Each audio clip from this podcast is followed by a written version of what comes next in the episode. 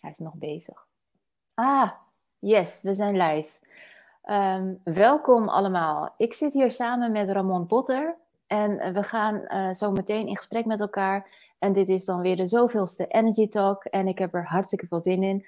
Om Ramon even kort te introduceren. Uh, hij werkt als uh, adem, voeding en beweegcoach.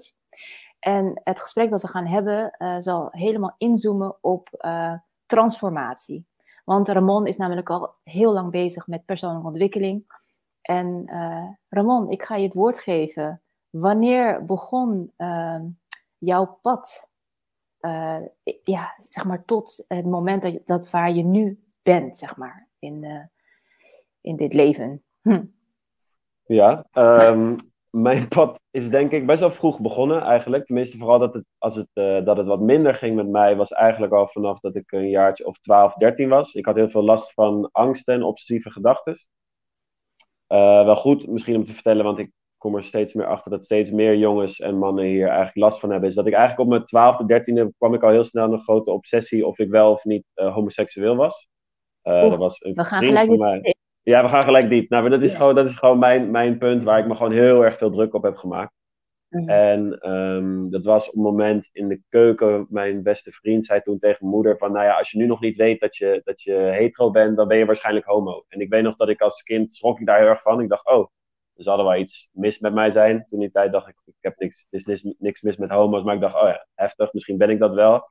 En vanaf toen ben ik eigenlijk heel obsessief gaan checken mijn seksualiteit eigenlijk gaan checken. Dus ik ben heel erg gaan kijken van bij elke vrouw, oh, voel ik me opgewonden of niet? En bij elke mhm. man, oh, voel me toch niet aangetrokken nu tot die persoon. En dat is eigenlijk heel lang, heel lang doorgegaan.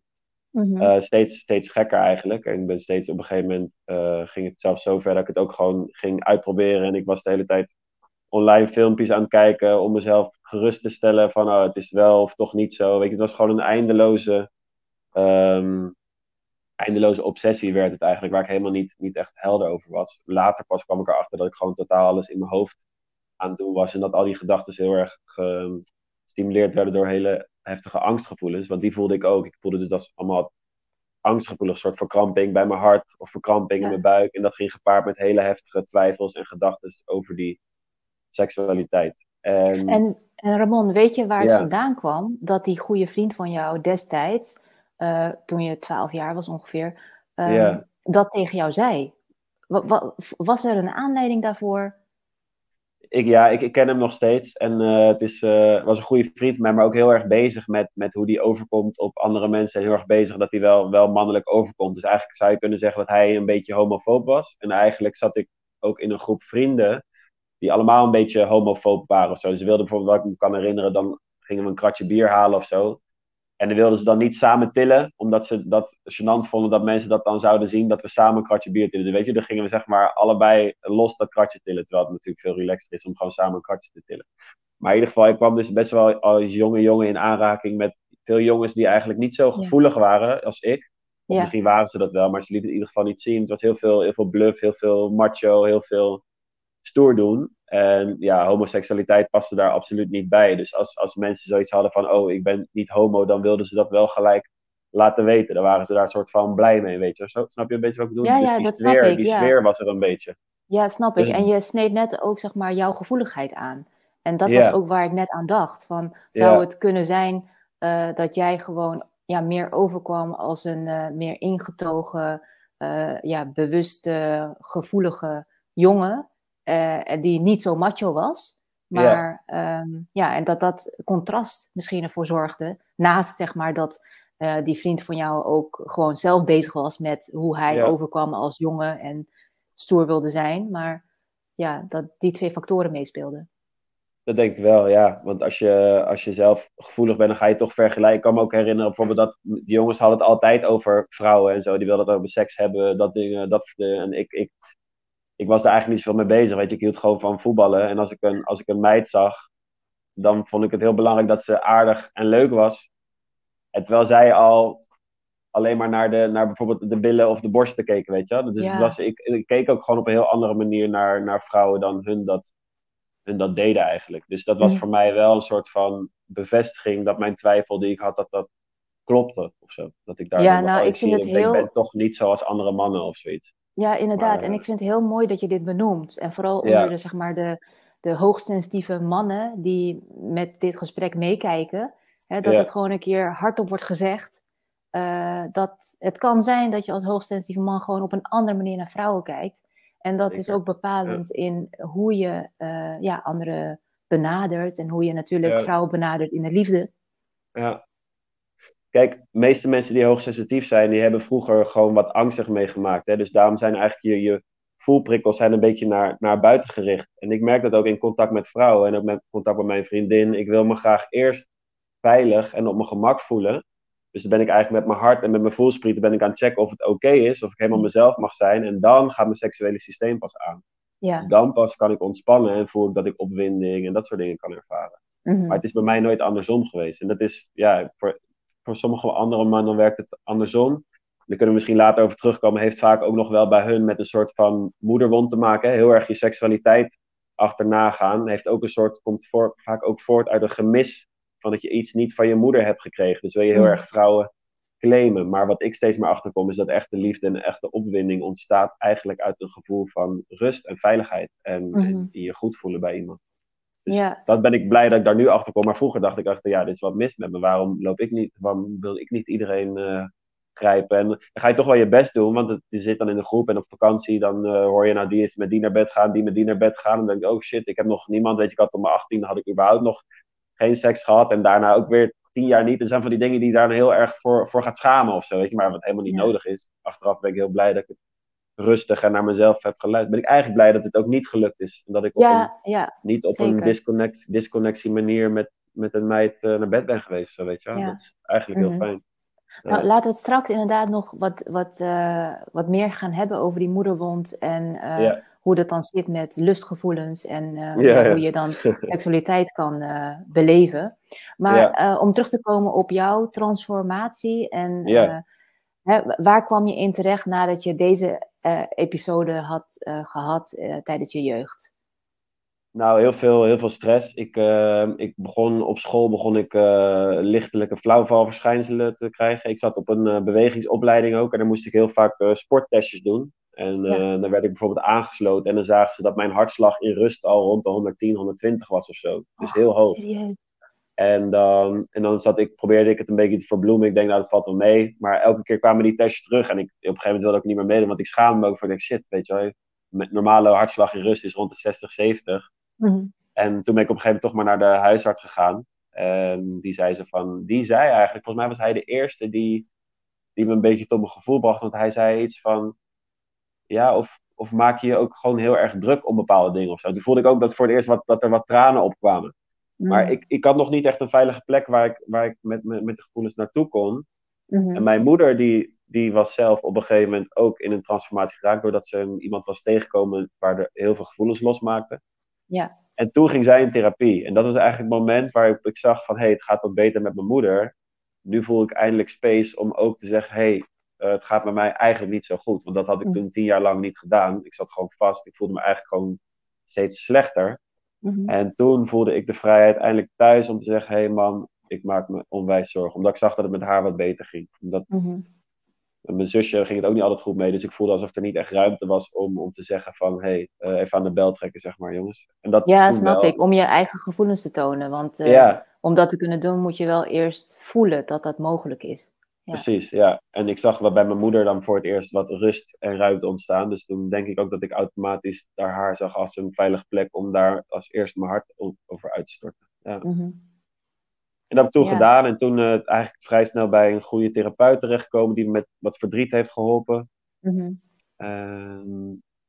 ja, begin, begin van mijn fase was heel erg vooral het verdriet uh, rondom mijn vader. Mijn vader was vertrokken toen ik vrij jong was. Ja. Uh, ouders gescheiden en toen is mijn vader naar het buitenland gegaan. En eigenlijk heb ik als kind blijkbaar ooit een beslissing gemaakt van, oh, dat zou wel aan mij hebben gelegen. En hoe kan het dat hij wel daar in Afrika met andere kinderen wil werken en niet met mij? Weet je, dus het geeft een soort van, van wond. Nou, dat is dan mijn, mijn vaderwond, is, is verlating, afwijzing.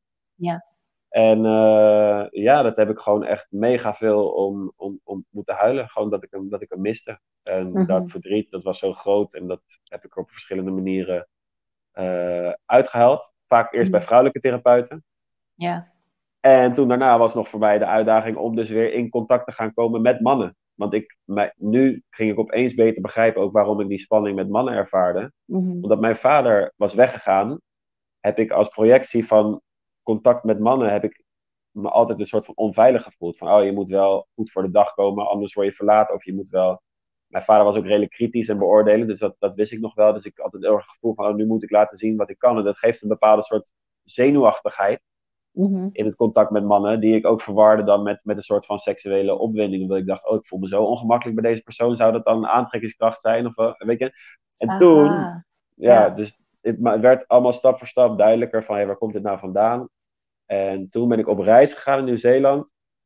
En daar las ik een... dat weet ik nog wel. Ja, ja, ja, precies. Ja. Nou, ik heb ook heel veel daarvoor met jou natuurlijk veel, veel sessies gehad. ja, klopt. Wat hebben wij gedaan? Ik heb ook veel, ja, veel... veel Nou, eigenlijk alles wat je net vertelde, Ja. dat herken ik Ja. nog wel. En dat Ja. herinner ik nog wel, dat al die thema's voorbij zijn gekomen. Ja. En we hebben ook intensief samengewerkt. Eh, dus ik schaam mezelf even om al, al die vrouwelijke therapeuten die je hebt gezien nou in die zeker. tijd. Ja, En, en daarna had jij zoiets van, hé, hey, eh, het is tijd voor de volgende stap. ja, ja, dus maar dat je, moet eerst. Ja. je pakte wat, eh, ja, volgens mij ehm, minimale bagage eh, pakte je in om eh, vervolgens te vertrekken naar Nieuw-Zeeland. Ja. Ja, en daar Ja. ging je volgens mij aan de slag met mannenwerk. Klopt. Ja, nou ja, als je op reis gaat, dan neem je altijd jezelf mee natuurlijk. Hè? Dus je denkt van, oh, het wordt allemaal beter. Maar de eerste half jaar kwam ik erachter dat ik toch ook, dat er wel veel problemen in, me, in mezelf zaten. Dus dat was het eerste half jaar was best wel een uitdaging. En toen halverwege dat jaar kwam ik dus opeens mannenwerk tegen. En dat was, ging over een artikel of zo, las ik online, over een mannengroep die initiatierituelen deed voor jongens. Mhm. Eh, omdat eigenlijk het grootste probleem van deze tijd volgens hun was dan eh, jongens die opgegroeid zijn met een afwezige vader. En ik Mhm. zag daar de, de symptomen en de kenmerken van. En dat raakte me zo erg. Ik dacht, ja, daar moet, daar moet ik gewoon heen. En ik ben daarheen gegaan. En dat was zo'n veilige plek om weer voor mij opnieuw met mannen te leren verbinden. Ja. En ik weet nog bijvoorbeeld een van de fijnste oefeningen die ik daar heb gedaan, was dat we gewoon als een stel eh leeuwen, leeuwenpuppies heette volgens mij die oefening of zo, lion cubs. Moesten we gewoon in een grote zaal, er was iets van 30, 40 man, moesten we gewoon lekker door elkaar heen kruipen. En gewoon überhaupt dat, dat, dat huidcontact voelen met mannen waarbij je, gewoon, waarbij je je gewoon veilig voelt, Mhm. was voor mij zo, zo, zo fijn Ja. en zo geruststellend, omdat ik dat altijd gemist had. En dan voel je toch dat er, er zit gewoon een innerlijk kind wat juist zo erg de behoefte heeft om met mannen op, op een emotioneel niveau te verbinden. Mhm. En ja, dat werd daar gewoon eh, gegeven, zeg maar. Dat, dat was, ja, er waren gewoon die mannen die dat begeleiden, dat waren echt de grootste, stoerste mannen die, die je kan voorstellen. Maar wel met hun hart gewoon op de voorgrond, weet je wel. Dus Ja. gewoon, ik herkende opeens ook mezelf, dat ik dacht, oh, wat gaaf. Ik kan gewoon een gevoelige man zijn, dat mag gewoon. Dat is, dat is er gewoon. En dat, ja, dat was zo magisch. Ja, ik zie het En, helemaal voor me. En eh, ik vind het eh, heel mooi hoe je omschreef dat je echt ja, in de huid van een dier moest gaan kruipen om, eh, om dan weer opnieuw zeg maar, die verbinding en die warmte te gaan ervaren richting andere mannen. Ehm, en ik vind het ergens ook knap dat jij het in, in groepsverband wilde aangaan. Ja, Ja, want ik, ik, had, ik heb zoiets van, oh, best wel scary, zeg maar, om Ja. ehm, dan je helemaal op die manier bloot te geven. ja, Ja, want sommige mensen vinden het prettig om één op één te werken hè, Ja. met mensen wanneer het gaat om dit soort eh, diepgaande emotionele stukken. En, en anderen die vinden het gewoon prima om dat eh, in groepsverband te gaan doen. En ja. ja, zo kom je ja, echt heel veel spiegels tegen, lijkt me. Heel veel. Ja. Ja, Ja. En het leuke is, Ja. ik moet wel grappig, want ik, ik, ben het mannenwerk ben ik daarna nog steeds heel erg gaan doen. En inderdaad, in het begin vond ik mannenwerk best wel eng. Er waren er heel veel spiegels, heel veel mannen met wie ik niet om durfde te gaan of die iets bij me raakten. Of dat je denkt, oeh, daar moet ik bij uit de buurt blijven. En ik merk dat dat steeds minder wordt of zo. Dus naarmate je al die verschillende soorten mannen tegenkomt. En we leren Mhm. juist bij het mannenwerk, juist bijvoorbeeld, als je bijvoorbeeld, eh, dit weekend ga ik bijvoorbeeld 24 uur met mannen ook op pad. En vaak slapen we dan bij elkaar op de kamer. En dan is het aan, het begin van een soort van schaduwwerk. Dan zeg je van, oké, welke man zou je het liefst nu eh, vermijden? Zeg maar, die je het meest, meeste triggers bij voelt. Daarmee ga je juist op de kamer slapen. Snap je? Dus je gaat Ach. heel erg, je gaat juist op zoek naar van wat, zo. want het, zegt, het leert, kijk, en op een gegeven moment krijg je ook vertrouwen dat dat ook gewoon, de beste, of niet per se de beste manier is, maar dat het gewoon altijd iets over jezelf zegt. Ik heb al zo vaak gehad dat een man met wie ik enorme weerstand voelde, dat we juist heel erg op elkaar leken. Of zo, weet je, dat je een, mhm. ja, heel veel dingen van elkaar. Het zijn allemaal spiegels wat je zegt. En dat is juist mm. super grappig. en voor mij nu ook veilige manier dat je steeds meer vertrouwen krijgt dat het gewoon wel, dat het toch allemaal maar angst is. Want ik heb dus heel veel angst gevoeld. En angst is eigenlijk altijd, altijd een illusie. Als je dat eenmaal weet, dan kan je er steeds beter mee, mee omgaan. Ja, inderdaad. Dat heb ik wel daar geleerd. En uh, denk jij dat dit dan ook zo werkt in het dagelijks leven? Want ik krijg uh, vaak, zeg maar, in de één op één sessies die ik begeleid, um, ook wel de vraag: uh, is, is het nou de bedoeling dat ik met deze collega blijf werken? Want die zit me zo dwars en ja. ik raak geïrriteerd van. En ja. die komt gewoon met de meest zullige, vervelende vragen aanzetten, waarvan ik dan denk: Nou, kun je daar niet eerst zelf over nadenken? Ja. Bijvoorbeeld, hè, dit is zo'n dagelijkse situatie waar mensen in terecht kunnen komen. En, um, en dat is een uitdaging van, ga je daarmee gewoon uh, ja, eigenlijk in zee? Hè? In sommige situaties moet dat natuurlijk.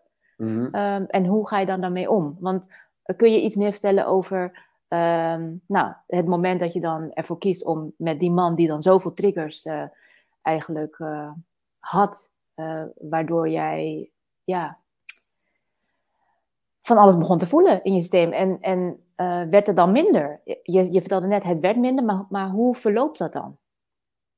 Goeie vraag, ten meer vraag. Ik denk, um, wat ik wel, om even aan het begin van je vraag uh, terug te komen, is in het dagelijks leven is het natuurlijk als mensen je triggeren, is het veel makkelijker vaak ook om, om weg te lopen. En ik, ik doe dat ook nog wel steeds. Uh, maar bijvoorbeeld, het zijn vaak de mensen die inderdaad in je werkomgeving of in je familie of in je gezin waar je niet omheen kan, hè, zeg maar. Dus mm-hmm. het universum geeft je sowieso altijd wel precies de mensen die, die je nodig hebt en waar je ook niet van weg kan komen. Absoluut. Denk ik. Dus als het, ik kan me ook voorstellen, het is ook wel relaxed om af en toe met mensen om te gaan met wie het wel gewoon klikt. Weet je? Dus niet, niet alleen maar triggerende mensen, want dan word je helemaal gek. Ja, zeker. Dan dus dat sowieso. Ja. ja, ja, precies.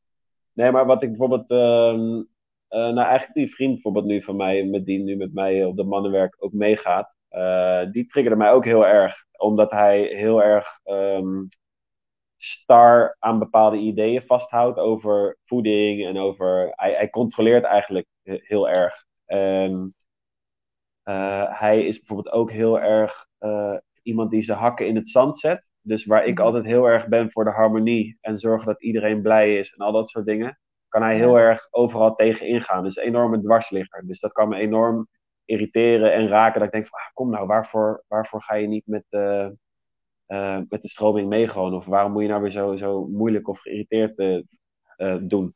En dan in dat mannenwerk, dan, dan, dan ga je gewoon eigenlijk, is daar gewoon een hele veilige ruimte. Want wat ik vaak merk bij mensen die me triggeren, is dat ik een beetje op slot schiet. Dus ik mhm. voel een soort van boosheid of ik wil iets zeggen, maar ik hou het binnen. Ja. In dat mannenwerk, daar wordt een soort omgeving gegeven dat gewoon, je hoeft elkaar niet te sparen. Dat is wat je vaak ook zegt, van hey, moet ik je sparen aan het begin van de dingen. Dus in andere woorden mag ik gewoon alles zeggen wat in mij opkomt en wat ik van je vind en wat ik van je denk.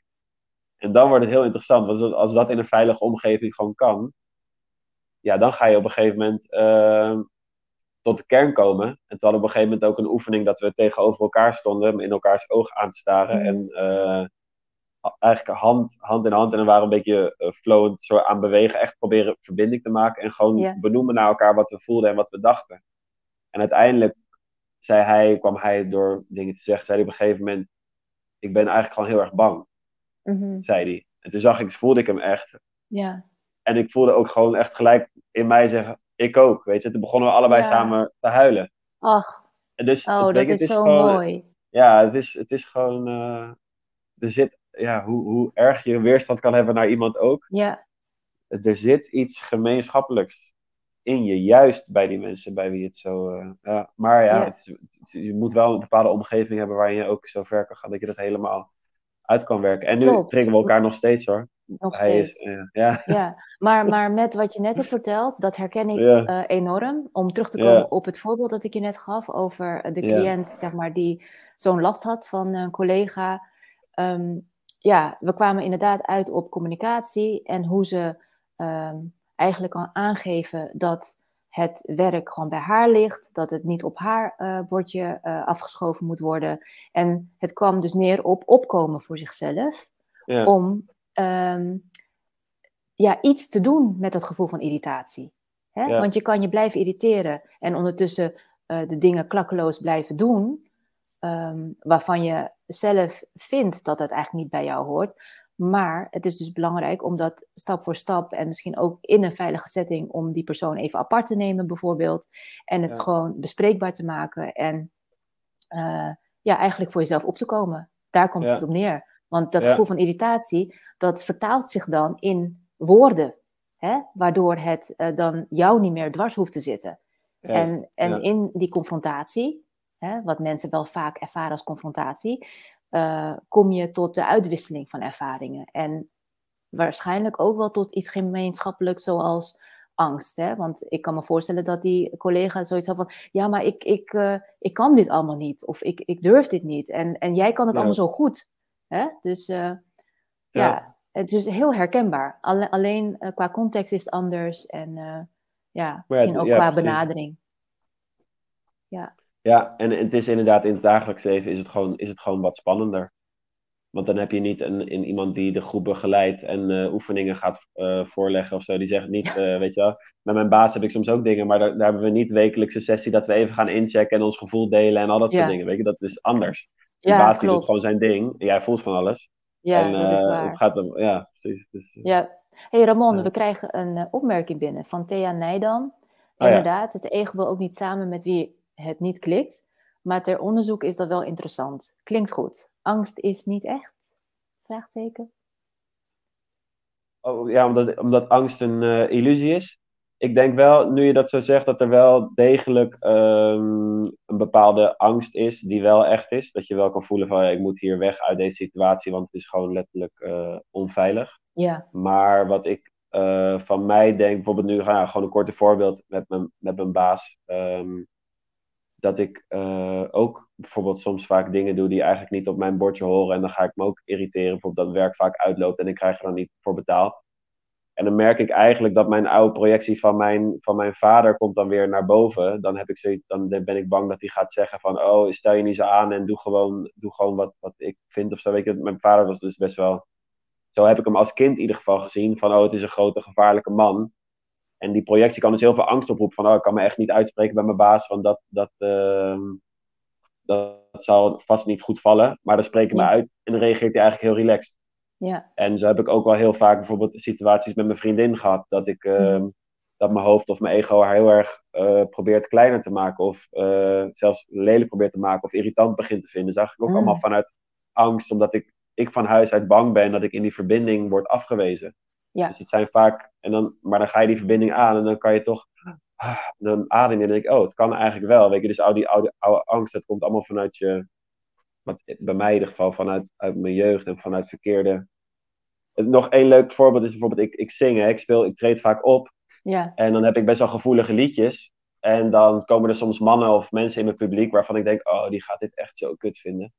Uh, die, want dat een het ziet een beetje uit als stoere man. denk ik, oh, die gaat dit echt vreselijk vinden. Maar juist de mensen waarvan ik denk van, oh, die vinden het helemaal niks. Die komen dan naar je toe en dan zeggen, oh, wauw, het liedje heeft me echt geraakt.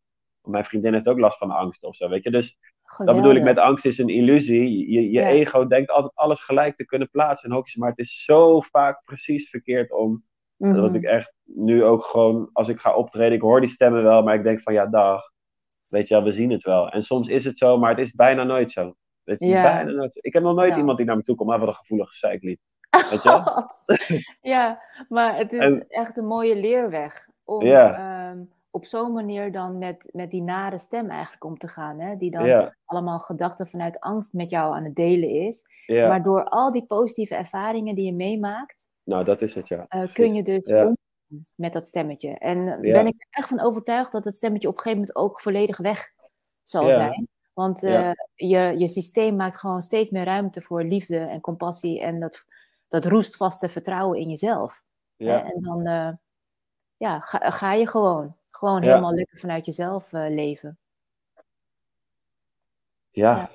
Ja. Ja, dat merk ik ook steeds meer. Het is, bouwt steeds meer om. Af en toe heb je op zo'n zo'n omslagpunt, hè? Dat je opeens, dat die hele stem eigenlijk met dezelfde energie die je soms helemaal klein kan houden, kan ook opeens met dezelfde energie helemaal positief switchen. Dat je opeens allemaal ideeën krijgt en zin en positief en gevoelens van verliefdheid en excitement. En weet je, dat is eigenlijk allemaal dezelfde energie. Maar als, je, als het gerustgesteld is, je ego of je ego of je, je, je, je angstbrein dan, ja, dan, Dan, dan is het hartstikke positief. Ja, inderdaad. Ja. Zie jij de opmerking van Thea Nijdam ook staan? Ja. Ja, inderdaad heb ik ook bij zingen. Denk te veel. Mhm. Denk te veel in plaats van het gevoel. Ja. Wat ik eh, als leuke tip had gekregen van iemand die, uh, Jan Corti, dat hij doet stembevrijding. Uh, ja, heb ik daar ooit een cursus bij gevolgd. En wat hij tegen mij zei, is: hij zei, Ik heb die stemmetjes ook de hele dag. Maar ik zeg al tegen die stemmetjes als ik begin met zingen: Oké, nu voor de komende drie minuten even niet. Daarna mag je weer zeiken, maar nu even niet. Heel goed. En dat, dat heb ik soms ook nog als ik dan denk van, oh, ik moet weer. Dan denk ik van, nee, oké, weet je, je staat al de hele dag aan te zeiken. Ik ga nu zingen, nu even niet. Mhm. Ja, nou, dat, ja, weet niet. En het werkt. het werkt. Het werkt. Ja. Ja. ja. Ja, dus jouw transformatieproces, hè, wat dus al super lang al uh, aan, de, aan de gang is, vanaf dat je 12 jaar was, was je al mega bewust over wat er allemaal speelde in jouw hoofd. En uh, zo heb je verschillende stappen gemaakt. Je bent dus een tijdje in Nieuw-Zeeland geweest. Daar heb je kennis gemaakt met mannenwerk. En uh, hoe mooi het is om bezig te gaan met initiatierituelen. Je hebt dat eigenlijk voortgezet in Nederland. Maar in Nederland heb je ook uh, een ademcursus opgepakt. Klopt. Ja. ja. Kun je nou, daar wat meer over vertellen?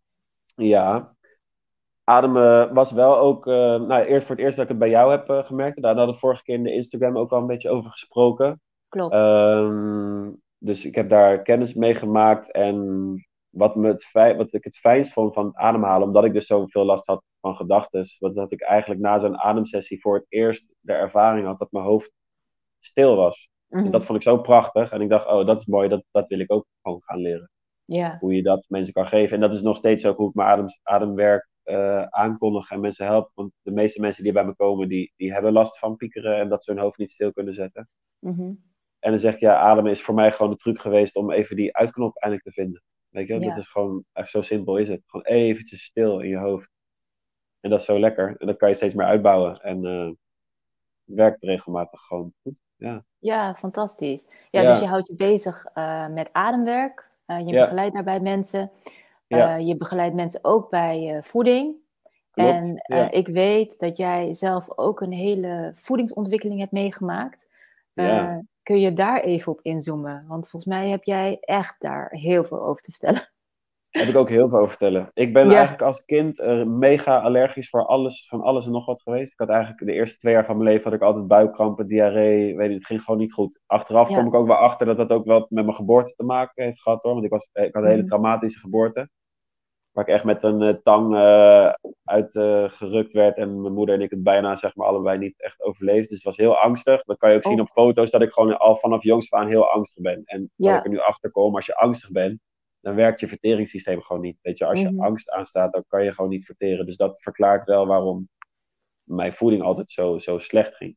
Ja. En um, ja, eigenlijk ook om met behulp van mijn moeder zoveel dokters, mesologen, ortomoleculair therapeuten, dat soort dingen allemaal bezocht om gewoon een beetje dat voeding weer op gang te krijgen. Eigenlijk alle diëten geprobeerd, weet je, vegan, glutenvrij, uh, alle, ja, alles heb ik wel gedaan. Oké, je hebt alles geprobeerd, maar um, wat is het dan het dieet wat je nu volgt?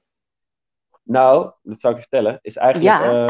uh, vooral uh, wat me het meest heeft geholpen, is dat ik een jaar geleden bij een ortomoleculair therapeut ge ben geweest. En die zei eigenlijk van je moet veel meer vetten eten en veel minder suikers. Mm. Dus uh, ik ben eigenlijk alle koolhydraten bijna gaan schrappen. Dus ja. uh, weinig brood, graan en dat soort dingen. Omdat die allemaal, allemaal de darmwand irriteren. En angst en ja, eigenlijk ook bijna depressies en humeurverschijnselen zijn allemaal reflectie van hoe het in je, in, je, in je darmen gaat. Dus als het in je darmen onrustig is, dan is het ook onrustig in je hoofd. Dus je moet eigenlijk dingen gaan eten waar je darmen niet van geprikkeld raken. Mm. En mijn darmen waren al uh, ja, van de jongs af aangeprikkeld. Dus uh, ik ben eigenlijk heel veel darmbacteriën gaan slikken, veel prebiotica, uh, probiotica genomen. Probiotica, ja. Ja, en nu eigenlijk de laatste tijd uh, ook ik weet niet of je ooit van het ketogeen dieet hebt gehoord. Dat is weer heel erg. Uh, dus dan eet je eigenlijk. ja, heel, veel, heel veel gezonde vetten. Mhm. En een klein beetje eiwit en een heel klein beetje koolhydraten. Maar dan kom je op een soort andere eh, energieverbranding kom je dan. Dan kom je in ketose. En dan gaat je lichaam Mhm. niet op suiker verbranden, maar op ketonen. En dat heeft voor je, voor je mind heeft dat echt een enorm geruststellend eh, effect. En wat zijn ketonen? Ja, dat zijn gewoon energiebrandstoffen die je lichaam maakt uit eh verzadigde vetten. Mm. En eet je dan ook gewoon groenten erbij en fruit? Ja, maar bijvoorbeeld ook daarmee heb ik wel gemerkt dat een tijdje bijna geen groente en fruit heel erg veel eh, ruimte heeft gegeven om mijn darmen om te, om te genezen. Want eh, in groente en fruit zitten ook veel vezels. En als jouw darmen geïrriteerd zijn, dan kunnen ze vezels eigenlijk helemaal niet zo goed aan. Mm. Dus de beste effecten die ik tot nu toe heb gehad, zijn eigenlijk juist heel veel eieren, kefir, vlees, kip, bottenbouillon. Dat soort dingen eten. Waardoor er eigenlijk mijn darmen bijna niet belast worden. Ehm, ja, dat heeft me heel veel, heel veel rust gegeven. En dat doe ik eigenlijk nog steeds wel fases. Dus het is een Wat beetje. een goede tip. Ja, Ja, want eh, hier had ik nog niet eerder van gehoord. En eh, nee. Ja, Nou ja, het is wel bizar, want er zijn echt mensen, ik had, zat net nog wat podcasts te luisteren, en ik ben er zelf nog niet helemaal in verdiept door, maar ook mensen die gewoon echt met heftige ziektes, met OCD, met angst, met kanker, die een tijdje bijvoorbeeld alleen maar vlees, noemen ze een carnivore diet. ja, En die mensen die raken echt van al hun problemen af. Diabetes verdwijnt, kanker verdwijnt. Omdat, ja, je eet sowieso dan minder rotzooi natuurlijk, minder, minder granen en eh, dat soort dingen. Maar zelfs ook in heel veel groentes en fruit zitten eigenlijk heel veel antistoffen die heel lastig zijn voor je darmen om te verwerken. Dus heel alle veel, ziektes die jij net opnoemde, die Ja. ehm, verdwenen door, het, door dit dieet? Ja, ja, Ah, ja, steeds heel meer. eh, interessant. Ja, de ja, moeite waard om, om daar wat meer eh, in te verdiepen. Ja, Eh, Ramon, we hebben een opmerking binnengekregen van Ja. Ankie Ku- Kuis. Hier ook na heel veel, of na hier ook na heel mijn leven buikpijn, keto begonnen, nu wel Ja. ietsje meer KHD, oh koolhydraten, koolhydraten. maar alles ja. zo puur mogelijk. Geen last meer van mijn darmen. Darmen zijn je tweede hersenen, moet je goed voor zorgen.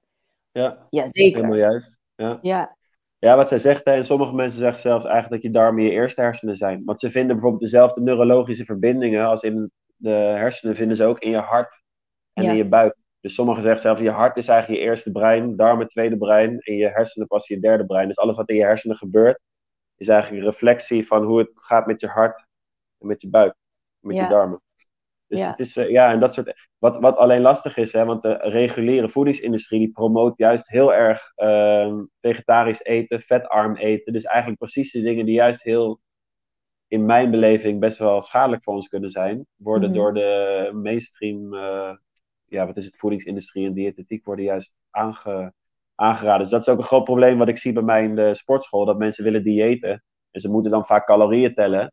En gaan heel erg eh, beperken op, op vetten. Omdat vetten geven gewoon meer calorieën per, per Mhm. gram dan, dan bijvoorbeeld koolhydraten en groenten. ja, maar geloof Maar- jij dan wel dat als je een tijdje op het, eh, het dieet heet ketogene dieet? Ja, Ja, als je daar een tijdje op zit, dat je dan Mhm. daarna gewoon, daarnaast weer groenten eh, aan je dieet kan toevoegen en fruit en dat het dan gewoon prima gaat. En dat het zeg maar alleen maar voor een bepaalde periode is om jouw darmen de ruimte te geven te herstellen. Dat sowieso. Ik denk dat het sowieso eh, de ruimte geeft om je darmen te herstellen. En ik denk dat daarna gewoon echt voor iedereen heel belangrijk is dat je echt bij jezelf nagaat wat werkt. Ja, Want ik geloof niet dat voor iedereen hetzelfde voedingssysteem eh, werkt. ja En daar ben ik ook van mensen, overtuigd. Sommige Ja. mensen kunnen heel goed eh eiwitten en zo uit groentes halen en sommige mensen niet. Mhm. En als je dat niet kan en je gaat toch heel erg vanuit bepaalde dogmatische redenen niet bijvoorbeeld de producten uit vlees eten. Ik had, toen ik vegan was, had ik vier jaar lang zulke cravings naar vlees. Maar ik deed het niet omdat ik het niet, omdat ik mezelf vond, ik wilde het niet, uit ethische redenen, zeg maar. Ja. Op het moment dat ik weer mezelf toestond om weer gewoon wat vlees en dat soort dingen te eten, man, ik moest bijna huilen van opluchting. Dat ik denk van, ja, eindelijk wat iets wat mijn lichaam nodig heeft. Je, het werd gelijk een stuk rustiger, veel relaxter Ja, voelde me veel sterker. Ik kreeg weer wat, meer wat spieropbouw. En ik Mhm. werd niet zo lijkbleek. Mijn huid werd beter. Weet je, al dat soort dingen. Dus ja, echt voor iedereen. Ik geloof heel erg gewoon dat je, je genen, je voorouders hebben al jarenlang op een bepaalde manier gegeten. En je Ja. moet gewoon voor jezelf uitvinden wat dat voor jou is. En, eh, klopt. En dat is voor iedereen anders. Dat denk ik zeker, ja. Ja, ja, nee, daar ben ik ook van overtuigd. Eh, er zijn eh, wat mensen die meepraten. Thea is er ook nog en ze zegt spinazie kan, nog, kan ik nog steeds niet tegen. nee. Nee. En nee, prima. Maar als jij dan elke dag Popeye kijkt en denkt van, uh, oh, spinazie is goed en je gaat toch tegen beter weten in die spinazie, ja, dan word je niet blij. Dus je mag echt goed naar jezelf luisteren. Ja, klopt. En dan hebben we nog een ja. bericht van Ankie. Ja, heb je gelijk in Ramon. Hart 1, darmen 2, hersenen 3. Ja. Tada. Tada. ja. ja, mooi. Ja, en um, jij loopt dus uh, hè, uh, een aantal dagdelen in de week rond op de sportschool als uh, sportinstructeur. Maar eigenlijk ben je een vermomde holistische dokter. Ja, een beetje wel, ja. Ja, toch? Ja, ja sommige, mensen hebben, sommige mensen hebben wat voedingstips nodig. Sommige mensen willen even hun hart luchten. Ik hoop wel dat ik ook mijn ademwerk ook naar de sportschool kan brengen. Dat zou ik super mooi vinden. Ja. Want uh, normaal gesproken kom je dat alleen mensen in de spirituele scene komen een beetje dat soort dingen tegen als je aan jezelf werkt. Maar ik zou het heel gaaf vinden als zij ook een uh, manier krijgen om, uh, om daar gewoon bijvoorbeeld met een ademcirkel mee te beginnen. Zo. Ja. ja. Dat zou, oh. ja, dat zou ik super cool vinden. Ja, dat dus zijn super ik, mooie initiatieven. Ja, ja, Maar terwijl je daar dus rondliep hè, en je, je, je had al heel veel uitwisselingen met, met iedereen die daar aan het sporten is, uh, kwam er dus ook nog iets anders tot stand in jou. En daar ben je nu ook mee bezig. Uh, in je eigen tempo. Je bent bezig met. Tempo, ja. ja. natuurlijk. Allemaal in je eigen tempo, want uh, je bent mega creatief en je hebt heel veel verschillende uitlaatkleppen, zoals zingen en songteksten schrijven. En nou komt dit er ook bij natuurlijk, want hier heb je ook verschillende visies over. En je bent dus bezig met een boek waarin je gewoon op, op een hele simpele manier wil delen wat mensen kunnen doen om uh, ervoor te zorgen dat ze op het gebied van voeding uh, gezonder kunnen gaan leven, qua beweging en qua ademen. Ja. Ja, hoe, hoe is dat zo ontstaan? Nou, omdat ik dus inderdaad bij die sportschool heel erg veel tegenkom dat er eigenlijk gewoon heel veel kennis ontbreekt. Er mhm. ontbreekt gewoon heel veel basiskennis die ik als, die ik, als kind dolgraag op de basisschool had willen leren. Ja. Dus, en, en ja, op een gegeven moment dacht ik zoiets van, wat is nou echt belangrijk? Want ik ben heel veel met die mensen aan het praten. En op een gegeven moment komt er een soort van eigen verhaal tot stand. Omdat je de hele tijd aan het praten bent en je vindt steeds meer je eigen woorden. En dan kwam ik voor mezelf achter, oh, er zijn echt, voor mij, voor mij zijn er echt drie pilaren heel erg belangrijk. Dus dat stukje dat ademhalen en die, en die ontspanning. Mhm. Een stukje voeding en een stukje beweging. En ik denk als je mhm. die, bij die drie dingen gewoon de, de basiskennis hebt en die weet uit te voeren, dan kan je gewoon heel eind komen. Dus ik dacht, het is super tof voor die, die mensen die zo eigenlijk. Heel veel mensen zijn echt letterlijk gebrainwashed door de gewoon de verkeerde informatie.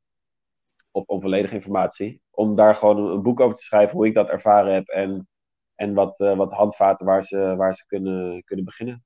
Ja, klopt. als die pilaren, pilaren in mijn leven sterk staan, dat ademhalen, de voeding en, en die, uh, die beweging, dan voel ik me gelukkig mensen. Dus ik dacht, nou ja, misschien andere mensen ook. ja, absoluut. Zeker. en dan hoef je ook niet meer ehm, apart aan iedereen die tips te geven. Hè? Dat, dat, had je me verteld. van, het is gewoon super praktisch. Ik ook, ja, ik heb ook een boek, ja, precies. Ja, zo, zo van, oh, dit is de zoveelste uh, die naar me toe komt lopen met deze vragen. Ja, en, is en ik ben weer alle antwoorden aan het herkouwen. En uh, een volgende keer kun je gewoon een boekje geven. Ja, precies. Nou, dat is eigenlijk precies de reden dat ik dacht, oh ja. Ja, ja, fantastisch. Ja, ja en, en zo, zo ontstaat het. Ja. Ja. Ja. Ja, mooi. Nou, en Ramon, we hebben dus in deze talk, deze Energy Talk, hebben we het uh, over zoveel verschillende thema's gehad. Ja. Uh, maar om nog even terug te komen op het mannenwerk, want ja, dat vind ik gewoon heel boeiend. Ja. Um, wat zou je willen meegeven aan hoogsensitieve mannen? Uh, ja, dat het echt gewoon heel oké is om, om gevoelig te zijn. Weet je, ik vind het nog steeds. Uh, ben eigenlijk super dankbaar dat ik zo goed kan huilen. Ja. Uh, want ik zie bij heel veel andere mannen om me heen. Kijk, als je op een gegeven moment wat meer ontspant in je eigen gevoeligheid, dan zie je dat eigenlijk heel veel mensen ook allemaal gevoelig zijn, maar ze het gewoon nog niet toe durven laten. Mm Dus je bent eigenlijk al een stapje voor, weet je wel? Dus dat voelt misschien nu uh, dat je de maatschappij niet bij kan benen, dat je een stapje achterloopt, maar je loopt eigenlijk gewoon een stapje voor. En dat is, uh, dat is super mooi. Nou, dat is een hele mooie reframe. Ja. Ja, zeker. Ja. ja. ja. Nou, Ramon, dan rest mij alleen nog maar eigenlijk je, je te bedanken. Ja. Uh, voor alle mooie verhalen die je vandaag hebt gedeeld. En, en mochten de kijkers nog meer vragen hebben voor jou, dan ja. zal ik ervoor zorgen dat ze je weten, dat ze je weten te bereiken. Ja. en nou, we zullen vast nog meer mooie gesprekken gaan hebben met elkaar. Maar voor vandaag, ja, ik vond het hartstikke leuk. Ik ook. En interessant. En leuk ook dat er mensen meekijken met wat vragen en dingen. Ja, ja zeker. Ja. Nou, ja, super veel plezier ook met jullie community, hè? Tof dat het uh, allemaal draait en zo. Heel cool. Oh, zeker. Ja, nee, daar ben ik nu volop mee bezig. Dus dit is het tweede jaar van Samen Jezelf zijn. En we kunnen nog wat hoogsensitieve mannen gebruiken. Oh, want op dit moment zijn het alleen maar vrouwen. Oh, ja. Uh, maar ja, dat, dat loopt nu. En um, ik heb heel veel ik zin in. Ik hoor dat vaker, hè? Vrouwen leiden de weg in deze tijd. Oeh, thank you. Nou, dat denk ik wel hoor. Ik, ik, zie, ik hoorde ook laatst een community die al geopend is bij mijn werk, waar mensen allemaal onder een, uh, ook samen willen wonen. Daar zijn ook nog allemaal hele sterke vrouwen vooral aanwezig. En uh, mannen durven nog niet helemaal altijd aan te sluiten. Maar we, we komen eraan. Ja, ja, jullie komen eraan. Inderdaad, hartstikke mooi. Maar ja. leuk dat je even begon over samen jezelf zijn, want volgende ja. week woensdag begint op 28 september de online cursus Energiemanagement voor hoogsensitieve mm. vrouwen in zeven stappen.